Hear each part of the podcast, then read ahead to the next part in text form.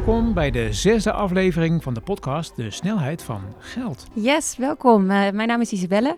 En ik ben Ruud. En uh, samen met onze collega Vera maken wij deze podcast over geld. En we hebben het over heel veel facetten van geld. Uh, wat is het precies? Waar komt het vandaan? En vandaag gaan we meer het hebben over de toekomst van geld. Ja, we hebben twee gasten uitgenodigd. stel je even voor, laat ik bij jou beginnen. Uh, mijn naam is Menno Broos. Ik ben projectleider Digitale Euro bij de Nederlandse Bank. En ik ben Eus Peters, directeur van de Raad Nederlandse Detailhandel. Brancheorganisatie voor grote winkelbedrijven. Maar in het grote geheel zijn er 86.000 winkelvoordeuren in Nederland en meer dan 40.000 online winkels. We gaan het vandaag hebben over eh, de digitale euro. Nou, als er één onderwerp is wat uh, heel veel emoties losmaakt, dan is het wel de digitale euro. Er zijn fervente voorstanders, er zijn fervente tegenstanders. Deze podcast is niet bedoeld om nou even te zeggen dat we met z'n allen voor zijn of dat we met z'n allen tegen zijn. Maar we willen eigenlijk heel simpel beginnen met de vraag wat het nou eigenlijk is. Uh, ik heb het zelf thuis gevraagd aan mijn zoon. Die is 23. Ik vroeg, uh, wat is de digitale euro? En hij zei, ja, dat, dat weet ik eerlijk gezegd niet. en toen zei hij, nou ja, wat is het dan? En ik moet je, moet je bekennen, ik liep maar één zin al vast. Dus Menno, help mij. Wat is de digitale euro? Ja, de digitale euro is nog in de conceptfase. Laten we daarmee beginnen. Het is nog niet iets wat we nu al kunnen gebruiken. Maar uh, we doen binnen het eurosysteem, dus de Europese centrale banken, onderzoek naar de digitale euro. De digitale euro wordt, als we besluiten die uit te geven, uh, een bankbiljet in een digitaal jasje. Dus we moeten even een klein stapje uh, terug doen om dat te begrijpen. Je hebt tegenwoordig uh, twee vormen van geld. Er is publiek geld, dat zijn de bankbiljetten in onze portemonnee. Die worden uitgegeven door de centrale bank en ook gegarandeerd door de centrale bank en daarmee dus door de overheid. En dan is er privaat geld en dat is eigenlijk digitaal geld. Uh, wat je op de bank hebt staan uh, en wat ook een verplichting is van die bank. Ja, wat ik gewoon op mijn rekening heb staan, dan zie ik een bedrag staan en dat bedrag dat is dan het geld wat ik heb, maar dat, dat kan ik niet vastpakken, om het maar even simpel te zeggen. Dat kun je niet vastpakken, dat is digitaal um, en je bent daar ook afhankelijk van de gezondheid van de bank. Hè? We weten allemaal dat banken in Nederland relatief gezond zijn. Uh, en dat we ook nog een DGS hebben. Dus, uh, een depositogarantiestelsel. Sorry, een depositogarantiestelsel. dat maakt niet uit. um, dus dus dat, bank is, dat geld is relatief veilig. Uh, maar het wordt niet direct gegarandeerd door de overheid of dus door de centrale bank. Dus er zit een heel klein, heel klein risicootje in. Er zit een klein risicootje in en wat je ziet is als, we, als het spannend wordt in, de, in, in het bankenlandschap, als mensen uh, denken, goh, uh, ik vertrouw mijn bank niet helemaal, dan nemen ze geld op, uh, dan gaan ze naar de geldautomaat en dan wisselen ze het om in, in bankbiljetten, omdat bankbiljetten uiteindelijk worden gegarandeerd door ons, door de Nederlandse bank. En, en nu? En nu, wat, wat gaat de digitale euro doen? Ja, dus, dus wat we zien is dat uh, een bankbiljet is natuurlijk een, een, een fysiek ding. Hè? Het is een prachtig uh, product. Het is van, van katoen wordt het gemaakt. um, en in de, een digitale economie kan een bankbiljet natuurlijk uh, weinig rol van betekenis hebben. En um, daarom is er binnen onze centrale bank, maar eigenlijk bij alle centrale banken in de wereld, wordt er nagedacht over de vraag: hebben we dan niet een publieke vorm van geld nodig die digitaal is? Dus nu is het publieke geld is alleen maar contant in de portemonnee. Uh, en het digitale geld dat we hebben is privaat. Maar die twee eigenschappen combinerend, publiek, digitaal geld, dat is het onderzoek dat we nu doen en dat noemen we de digitale euro. En heeft dat dan ook te maken met het feit dat er steeds minder cashgeld is? Uiteindelijk is dat een van de redenen uh, waarom we het onderzoek doen. Uh, ik denk dat er meerdere uh, ontwikkelingen zijn waarom dit onderzoek nu relevant is. Maar we zien dat de balans tussen privaat en publiek geld steeds meer in het voordeel van privaat geld is. Het is steeds minder cash dat wordt gebruikt um, in, in, in de economie, om het zo maar even te zeggen. Um, en we hopen dat uh, de digitale euro die balans enigszins weer kan rechttrekken. En dat er dus weer meer gebruik kan worden gemaakt van publiek geld. Ja. Um, Eus, jij weet heel goed hoe winkeliers met geld omgaan. En, en, en hoe kijk, kijk jij tegen die digitale euro aan? Kijk, voor ons maakt het niet zoveel uit publiek of, uh, of uh, privaat is. Hè? Uh, dat is net als met, ik vergelijk het altijd maar even met, met flessen verkopen in de supermarkt. En dan kan ik zeggen, ja, emballage die je inlevert is publiek, maar de uitgifte van flessen is privaat. Mhm. Maakt niks uit, je levert flessen in en dat is de circulariteit. Dat is eigenlijk ook de tijd waar we heen gaan. We gaan naar een digitale circulaire tijd, waar digitale middelen bij horen. Uh, en daar zijn we eigenlijk op uit. Ik bedoel, we hebben allerlei dingetjes nog nu die in onze situatie van winkels niet lekker lopen. Uh, bijvoorbeeld als de stroom uitvalt of als uh, de, de, de, er storingen bij de banken zijn of af DOS-aanvallen, waar dan ook. Dan kunnen wij niet betalen, dan zitten we vast. Hè? Mm -hmm. Dus een offline middel. En dan kan de consument ook niks meer betalen? Nee, dus een offline digitaal middel zou wel heel fijn zijn in dat opzicht, zeg maar even. Dus een offline cash? Digitale offline cash. Ja, omdat we weten dat als nu uh, bij spreken de stroomkabel wordt doorgereden in een wijk, uh, binnen 2,5 uur zijn alle geldautomaten in een straal van anderhalf kilometer rondom die plek zijn leeg. Dus ik bedoel, cashgeld is geen terugvaloptie meer. We moeten echt naar andere terugvalmiddelen toe. Daar zijn we nu met pinnen wel mee bezig om dat voor elkaar te krijgen. Maar het zou prima zijn als we ook andere middelen krijgen, zeg maar even, die dat kunnen. Dus dat is een van de omissies die we nu hebben. Een andere omissie die we nu hebben, wat ook irritant is, is als je online iets koopt met Ideal bij mij, hè, en ik ga het in de winkel ruilen, kan ik niet terugpinnen, want dat mag niet, want Ideal is geen pinnen en dat houdt... Dus het moet wel... Ideal, leg het even uit. Er zijn ook mensen die het weten, misschien sommige mensen niet. Ja, nou ja. Ideal, Ideal is als je online iets, iets koopt, hè, ja. dan kun je uh, met een creditcard betalen. Je kunt ook eigenlijk met je bankpasje betalen. Ja. Uh, maar, maar dat is niet de bankpas zoals we hem nu kennen. Dat heet Ideal. Uh, en Ideal is de betaalmiddel gewoon rechtstreeks vanuit je bank. Uh, oversteken, krijg je het op een rekening, kan ook niet uh, teruggeboekt worden uh, op die manier. en dan heb je gewoon betaald. Ja. Um, en ik moet van, de, van, de, van de overheid uit, mag ik nu op dit moment nog maar 50% vooruit betalen, vragen aan jou. Dus ik moet vaak ook achteraf betaalmethodes aanbieden, zoals Klarna en Riverty. En er zitten wel grote verschillen tussen kosten tussen al die systemen voor ons als, als winkeliers. Ja. Wat ik nou lastig vind, Menno, ik weet niet of je daar al iets over kan zeggen, maar ik vind het zo moeilijk om me nou precies voor te stellen hoe dat er dan uit gaat zien. Uh, heb ik dan een soort rekening of zo? Of hoe werkt dat dan? Ja, dat is een uh, uitstekende vraag, want uh, ook wij doen er op dit moment onderzoek naar. En, en, en dus niet alle antwoorden zijn gevonden. Um, onze hypothese nu is dat we een, een app gaan krijgen. Dus dat is, dat is um, toch de manier waarop de meeste consumenten digitale euro zullen gaan gebruiken. Um, er komt een app en daar kun je dan een saldo op, uh, op zetten. Dat, dat kun je uploaden vanuit je bankrekening. Dus uh, een beetje zoals dat met een OV-chipkaart uh, gaat. En met die app kun je vervolgens betalen. Ja. Naar de buurman, maar ook in een winkel. Dat is uiteindelijk waarom, waar je geld ook voor gebruikt. Maar wat wordt dan precies het verschil? Want dan heb ik dus een, de, de ene app is dan mijn bankrekening. En de andere app wordt dan mijn rekening bij de bij de ECB. Dus is het dan nog wel, zit er dan, kan je als consument een duidelijk onderscheid maken tussen die twee? Ja, ik, uiteindelijk moet het onderscheid net zo duidelijk worden als het geld dat je nu op de bank hebt en je, en je contante geld. Oké. Okay. Dus de ene euro is ook de andere euro. Dus laten we, we hebben het hier over dezelfde soorten euro's en zijn ook inwisselbaar. Maar uiteindelijk is het verschil um, op wie loop je risico als het echt misgaat. En uh, die euro's die je hebt in die app, die digitale euro's, dat zijn de meest veilige uh, euro's die je kan hebben. Maar dan zou ik misschien al mijn geld van de ene bankrekening, waar dus een risico in zit, overbrengen naar de andere, waar geen risico in zit. Ja, dat, dat, zou, dat zou, zou je denken dat mensen dat dan gaan doen. Als we dat allemaal massaal gaan doen, dan gaat het mis. Dan gaat het mis. Dat hebben we recent gezien. Hè? Dan vallen banken om. Dus dat willen we ook niet. We willen nee. natuurlijk niet dat deze digitale euro uh, risico's met zich meebrengt voor de bredere financiële stabiliteit, zoals we dat, uh, zoals we dat noemen. Dus daar zal een limiet op worden uh, gesteld, hoeveel geld je op die digitale euro kan zetten. Okay. Um, die het wel mogelijk maakt om, om te betalen en om het gewoon te gebruiken in het dagelijks leven. Ja, Eusje gaf uh, aan wat de problemen zijn eigenlijk waar jullie nu tegenaan lopen. Hè? Kan je dan concreet aangeven wat die digitale euro dan voor jullie kan gaan betekenen? Zeg maar, hè? Ik, ben, uh, ik, ik, ben een consument en ik kom dan bij jullie langs, bij een winkel, laat ik zo zeggen. En dan?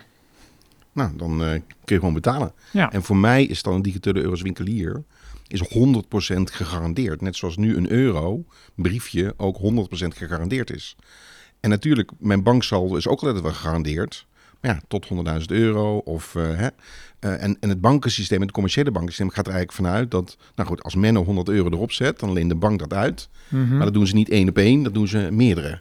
Dus ik bedoel, zo creëer je eigenlijk geld. En, en dat brengt altijd een mate van onzekerheid met zich mee.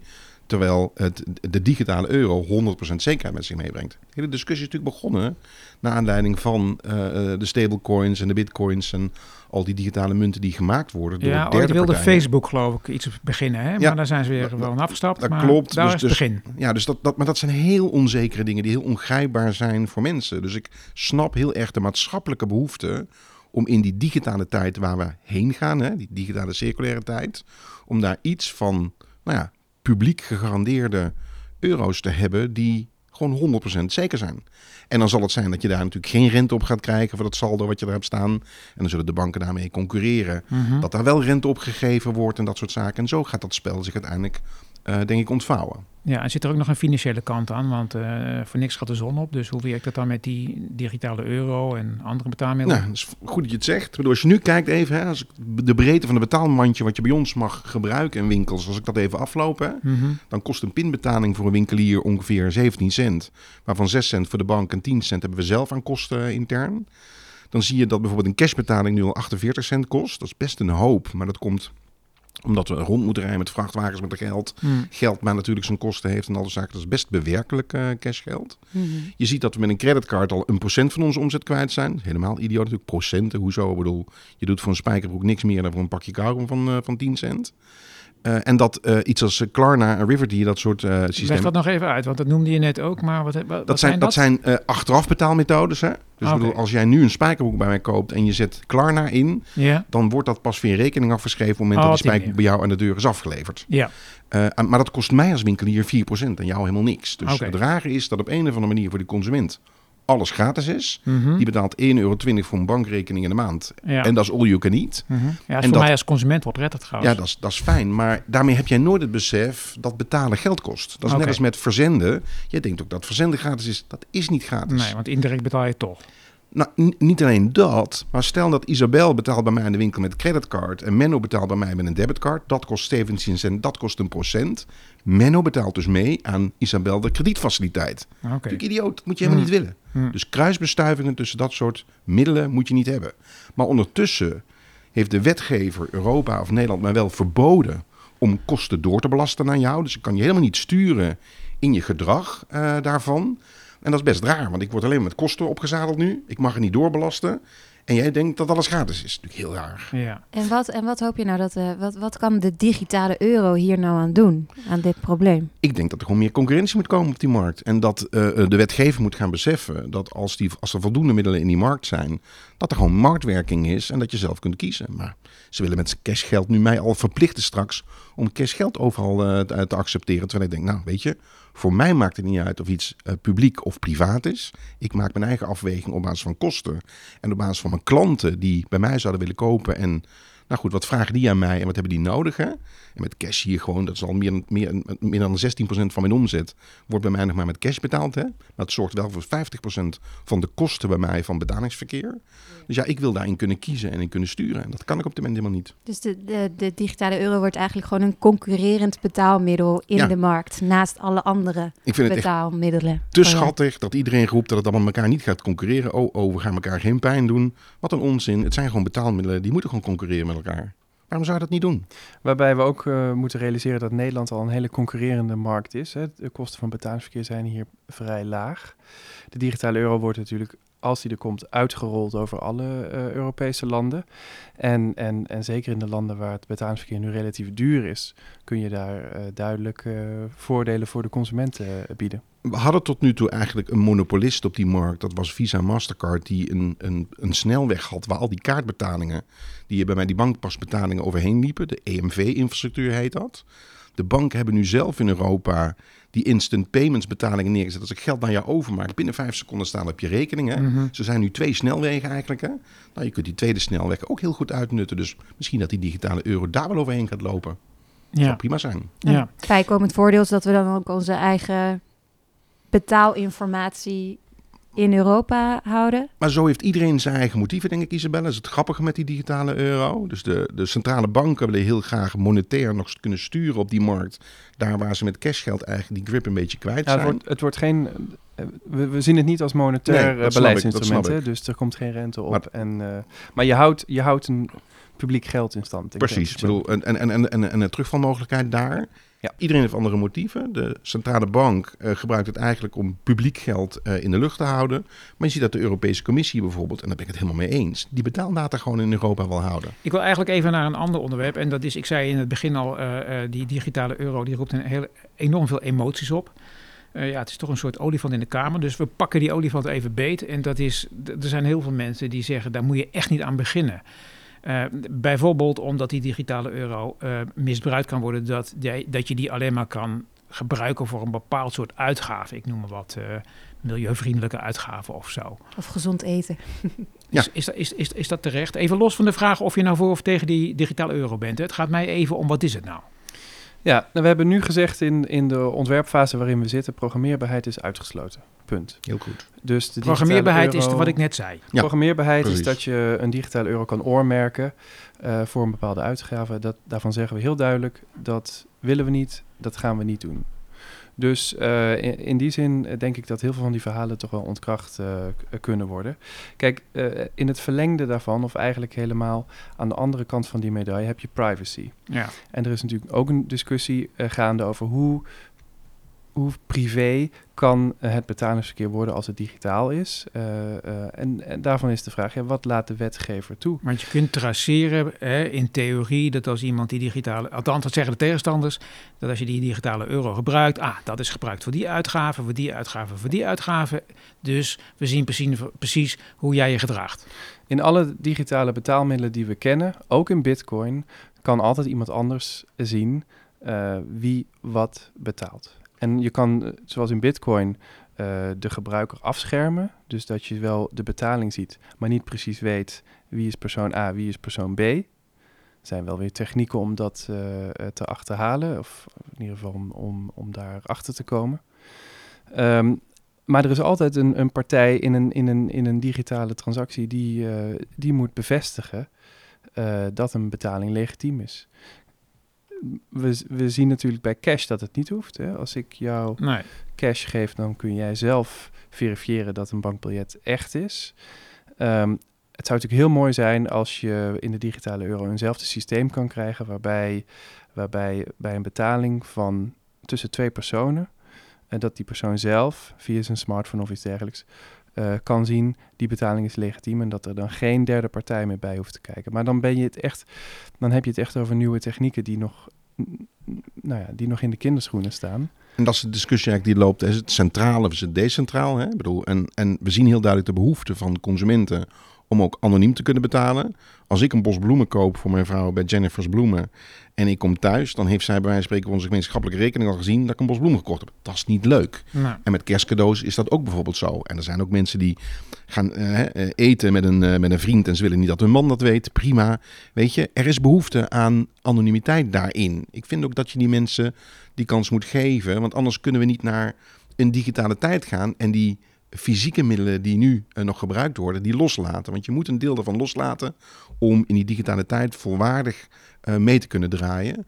Dus vandaar die behoefte aan anonimiteit. Dat is dus privacy en een stukje anonimiteit. mhm. En ik denk dat het heel goed zou zijn als die digitale euro dat zou kunnen geven. Want daarmee zijn er weer minder argumenten voor mensen om te blijven hangen in de huidige tijd met alle middelen. Want ja, we kunnen heel veel betaalmiddelen bij ons in de winkel prima in blijven zetten.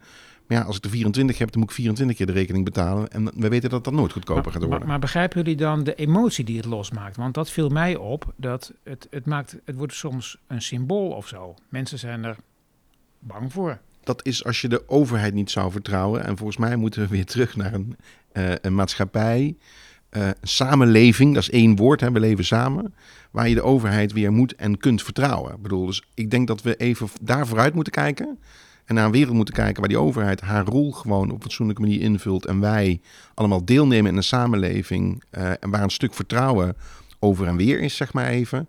En dan is dit niet aan de orde. Ik bedoel, hoe raar is het dat we denken dat de overheid ons zou volgen met alles wat ze doen? Wat zou dan de relevantie voor die overheid zijn? Het is hier geen eh, Oost-Duitsland of zo, weet je wel. Ik bedoel, eh, dit, Ja. gaat, dit gaat over een reële economie waar dingen plaatsvinden. Menno? Ja, ik denk ook als je de overheid volledig vertrouwt, dan is, dan is privacy gewoon een, een, eh, eh, een groot goed. Ehm, eh, en ik, ik denk ook een recht. eh, zeker in betalen. Dus ehm, ja, die positieve eigenschappen die we kennen bij het, bij het contante geld, eh, die wil je, waaronder privacy, die wil je zoveel mogelijk ook meenemen naar Zeker. de digitale euro. Ik hoor jullie praten over die digitale euro, eh, maar af en toe sluimert er even die charme van, eh, van, van dat echte geld hè, doorheen. Eh, laten we even naar een reportage luisteren van onze collega Vera, die, eh, die op zoek is gegaan eh, en heeft gesproken met iemand die inderdaad heel veel met echt geld heeft. Ja, we staan in Haarlem en we gaan even helemaal terug naar terug de geschiedenis in. Want we hebben natuurlijk de digitale euro, maar ook gewoon de prachtige munten. Ik sta hier bij de Nationale Numismatische Collectie en ik sta hier met Pim. Jij bent een numismaat. Ehm, wat doe je dan eigenlijk? Eh, wat ik nou eigenlijk eh, hier eh, doe bij de numismatische collectie is nou, eigenlijk onderzoek doen naar, naar geldgeschiedenis. Numismatiek, dat, dat draait eigenlijk allemaal om de studie, het, het onderzoek doen naar ja, tastbare vormen en gebruik van, van geld in het verleden. Eh, en dan moet je eigenlijk denken aan de, ja, de eerste vormen van geld. Die eh, zijn eigenlijk eh, ja, zo'n beetje ontstaan in de 7e eeuw voor Christus, dat je echt munten krijgt. Lang geleden? Eh, vrij lang geleden, inderdaad. Eh, dat soort munten eh, beheren wij hier in de collectie. En eigenlijk eh, vanaf dat moment eh, tot en met eh, heden eh, hebben wij ja, van alles en nog wat. Dus dan eh, praat je over eh, munten uit de oudheid, Romeinse periode, eh, middeleeuwse periode. En eigenlijk eh, tot, en met, eh, tot en met nu met allerlei eh, verschillende ontwikkelingen in geld die we hier eh, kunnen laten zien.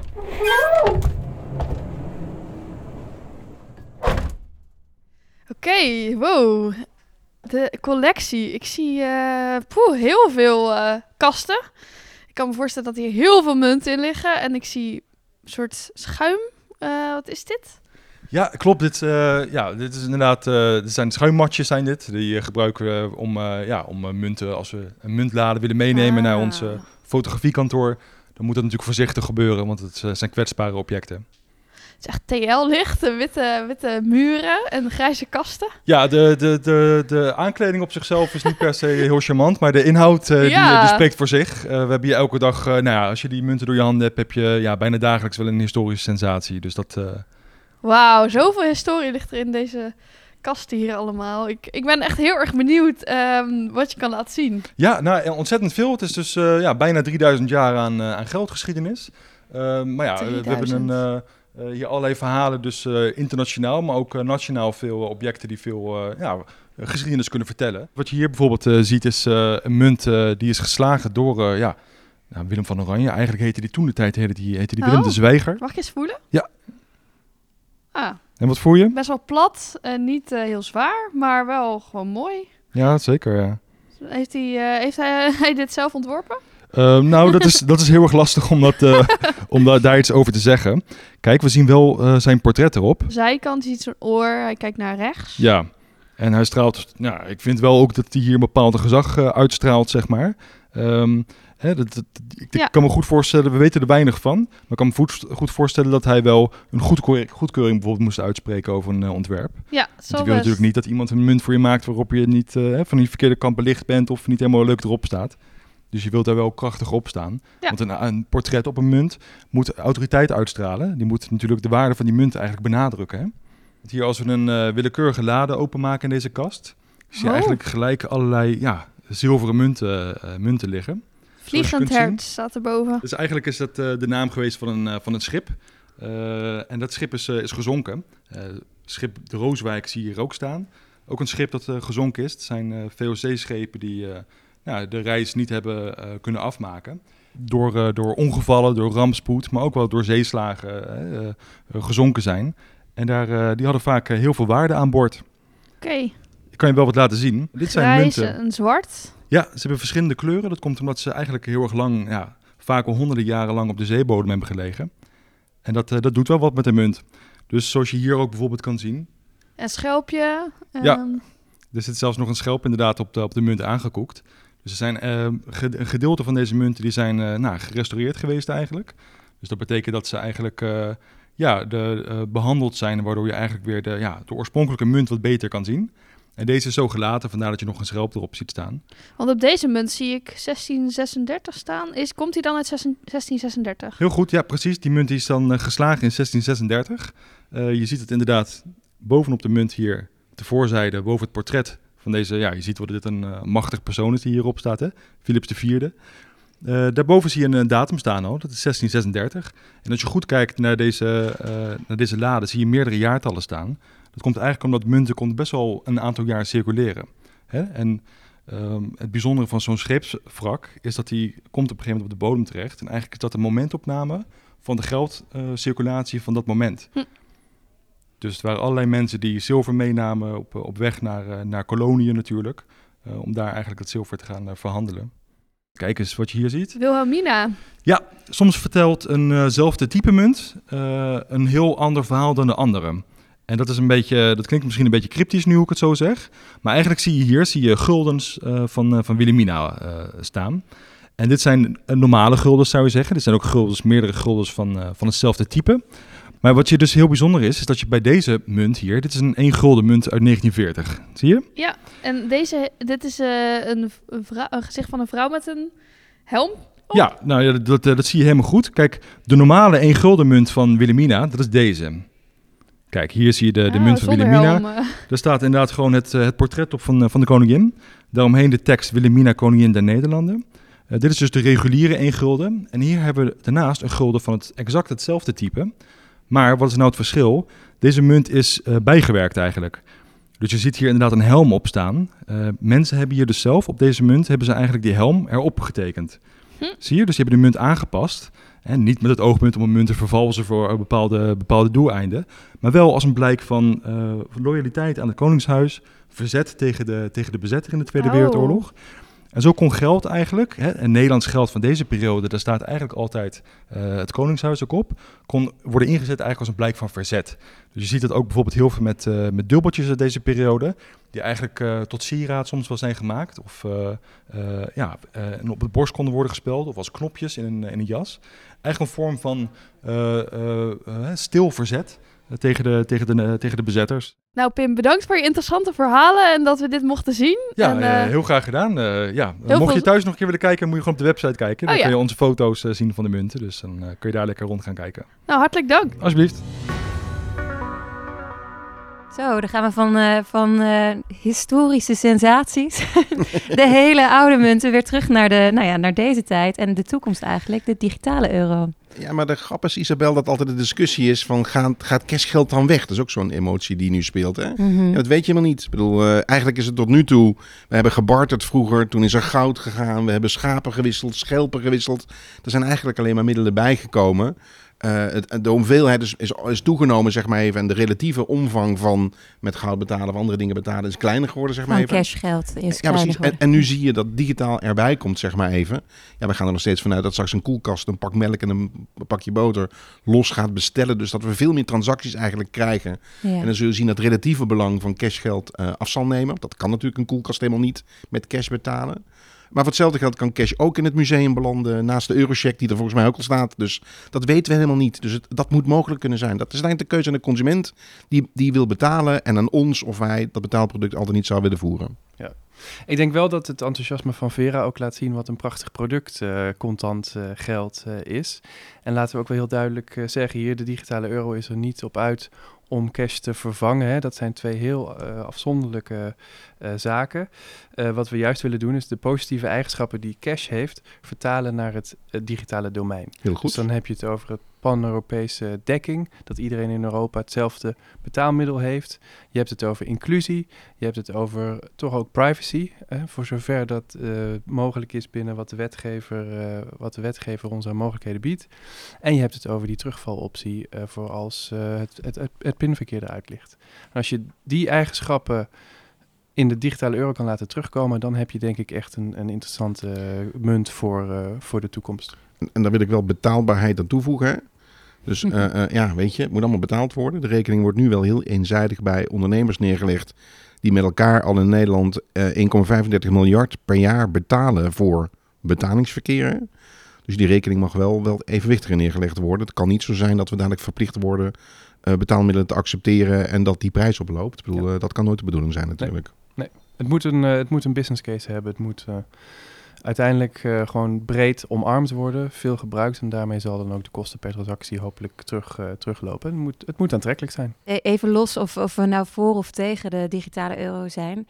Waar moet hij nou precies aan voldoen? En wat vindt eigenlijk onze politiek van die digitale euro? Ik heb voor kerst, Isabel, uh, minister Kaag heel duidelijk horen zeggen dat er drie eisen zijn die zij vanuit de politiek stelt aan de digitale euro. Ja. En één daarvan is privacy. Dat vind ik heel goed dat ze dat zegt. Ik bedoel, dat waarborgt een stukje anonimiteit. We gaan ook niks uh, over uh, op straat gooien qua betaaldata. Dat moet gewaarborgd zijn. Heel goed, ga ik volledig in mee. Twee is niet programmeerbaarheid. Dus het kan niet waar zijn dat een euro in Zuid-Europa meer waard kan zijn dan in Noord-Europa. Moet je niet hebben. Of dat ik na drie bier in een kroeg kan zeggen: uw saldo is bereikt. Uw biersaldo is bereikt deze week. Moet je niet willen hebben. En de derde is dat er een hele duidelijke business case moet zitten om dit in de markt te, te zetten. Die dat denk ik wel zou kunnen zijn als je alleen al kijkt naar betaaldata en monetaire instrumenten en naar de digitale tijd. Wat heb je daar voor een zekerheid en zekere instrumenten voor nodig? Ben het er helemaal mee eens. Uh, Isabel, je vroeg ook naar de rol van de politiek. Wij zijn nu als centrale bank aan het kijken hoe zou het eruit kunnen zien. Hè? Welke technische besluiten moet je allemaal nemen voordat je zo'n munt kan uitgeven. Uiteindelijk is het aan de wetgever om, om het wetgevend kader te, te creëren. Uh, en de wetgever die zal zeggen, binnen deze wetten, binnen dit mandaat kan het eurosysteem dit uh, uitgeven. En pas als dat kader er ligt en dus ook een duidelijke sturing van de politiek zo willen we uh, dat het eruit ziet. Pas dan kan het eurosysteem zeggen, we gaan het al dan niet uitgeven. Dus de bal ligt nu bij, bij de Europese wetgever. En als die een, uh, ja, een groen licht geeft, bij wijze van spreken, dan kunnen jullie verder met, uh, met de ontwikkeling in feite primair nu bij het Europees Parlement en de okay. Europese Raad. Ja. ja. Eus en Menno, we zijn aan het eind van uh, deze aflevering uh, van de podcast over de digitale euro. Ik weet zeker dat er een aantal luisteraars zijn waar de emoties opnieuw zijn opgelopen, want dat krijg je bij dit onderwerp. Maar het belangrijkste is dat degene die naar deze podcast heeft geluisterd, uh, nou ja, meer begrijpt over die digitale euro. Want nou ja, zoals ik in het begin al zei, dat is nog best wel ingewikkeld. Dank voor jullie komst. En uh, ja, Isabel, wij gaan weer opnieuw, uh, zoals we bij elke aflevering doen, naar... Naar het slot met knot. Het slot met knot. Welke waarin... vraag uh, gaan we deze keer stellen, ja. We kunnen natuurlijk aan Klaas vragen, wat denk je Klaas, gaat deze digitale euro er komen? Maar misschien gaat hij zich daar niet aan wagen, aan die vraag. Ja, we gaan het zien. Niet. We gaan het zien. En anders bedenken we een andere mooie vraag. Dankjewel. Top. Dank jullie. Hoi Klaas, we zijn er weer met het slot, het slot met knot. Uh, ja, we hebben het deze aflevering gehad over de digitale euro. Maar denk jij dat die er echt gaat komen? Ik denk dat die er wel gaat komen. Het is uiteindelijk natuurlijk aan de politiek ook om te besluiten of die er moet uh, gaan komen in, in samenspraak met de Europese Centrale Bank. Um, maar kijk, uh, in onze maatschappij, en dat hebben we ook in eerdere uh, gesprekken al aan de orde gehad, is het natuurlijk zo dat het gebruik van cash nogal terugloopt. Ik heb in ook een eerdere versie van uh, de podcast onderscheid willen maken tussen publiek geld en privaat geld. Huidige publieke geld is cash. Als cash wegloopt, dan is er straks dus geen publiek geld meer. Als we daar niets hè, tegenover uh, stellen. Maar dat betekent dus ook dat het publieke anker voor het geldsysteem dan ook langzamerhand hè, wordt ondermijnd en langzamerhand aan het verdwijnen is. Ik denk dat we om die reden daar hè, een centrale bank digitaal geld tegenover moeten gaan uh, zetten. Ik zie het niet anders hè, dan cash in een digitaal uh, jasje. Maar ik denk dat het wel van belang is om ook dat publieke vertrouwensanker in het betalingsverkeer, in het monetaire systeem, om dat anker ook te kunnen bewaren. Dus via de digitale euro houdt de centrale bank een soort van controle op de economie. Controle vind ik een, een woord met een wat negatieve uh, bijsmaak. Kijk, de hele wereld digitaliseert. Dus waarom zou de centrale bank dan hè, moeten vasthouden aan een techniek die uiteindelijk uit de 17e eeuw uh, stamt? Wij doen gewoon mee met digitalisering en wij gaan ons publiek geld dan ook gewoon in een digitale variant aanbieden. Duidelijk, dankjewel Klaas. Graag gedaan. Dankjewel voor het luisteren. Dit was de zesde aflevering van de podcast van de Nederlandse Bank, De Snelheid van Geld.